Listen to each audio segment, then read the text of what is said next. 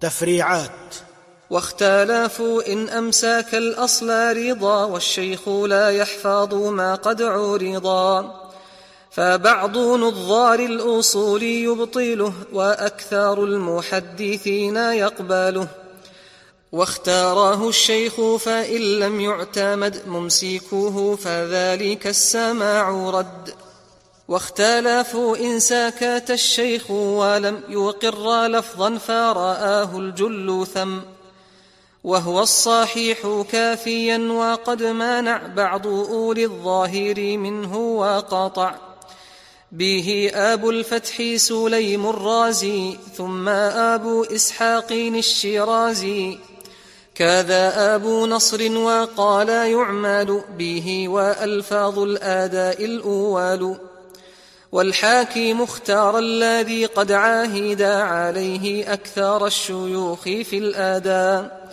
حدثني في اللفظ حيث انفردا واجمع ضميره إذا تعددا والعرض إن تسمع فقل أخبارنا أو قارئا أخبارني واستحسنا. ونحوه عن ابن وهب رويا وليس بالواجب لكن رضيا والشك في الأخذ أن كان وحده أو مع سواه فاعتبار الوحده. محتمل لكن رأى القطان الجمع فيما أوهام الإنسان. في شيخه ما قال والوحدة قد اختار في ذا البيهقي واعتمد. وقال أحمد التابع لفظا ورد للشيخ في آدائه ولا تعد. ومنع الإبدال فيما صنف الشيخ لكن حيث راو عورفا بأنه سوى ففيه ما جرى في النقل بالمعنى ومع ذا فيرى.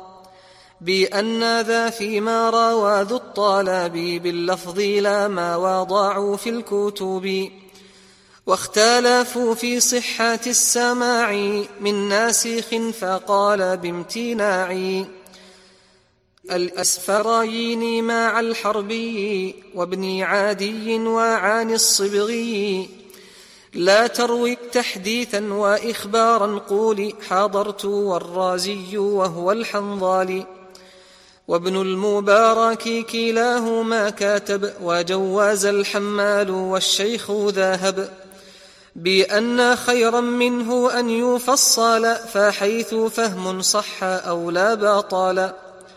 كما جرى للدار قطني حيث عد إملاء إسماعيل عدا وسرد. وذاك يجري في الكلام أو إذا هينما حتى خافي البعض كذا. إن باعود السامع ثم يحتمل في الظاهر الكلمتان أو أقل. وينبغي للشيخ أن يجيز مع إسماعه جبرا لنقص إن واقع. ونجل عتاب إلى اجتماع إيجازات مع السماع داعي.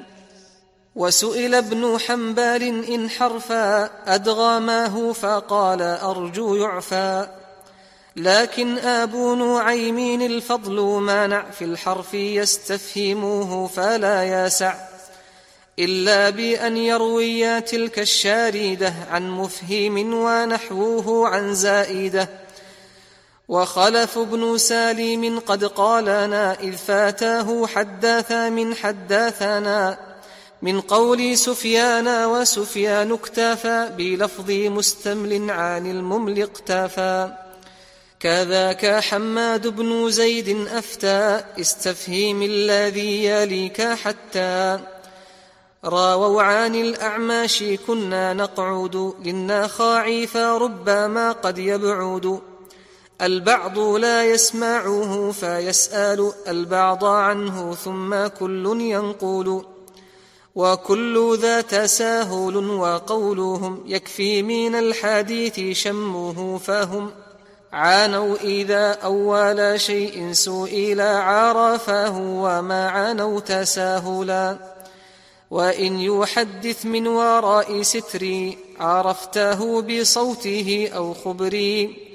صح وعن شعبة لا تروي لنا إنا بلالا وحديث أمنا ولا يضر سامعا أن يمنعه الشيخ أن يروي ما قد سمعه.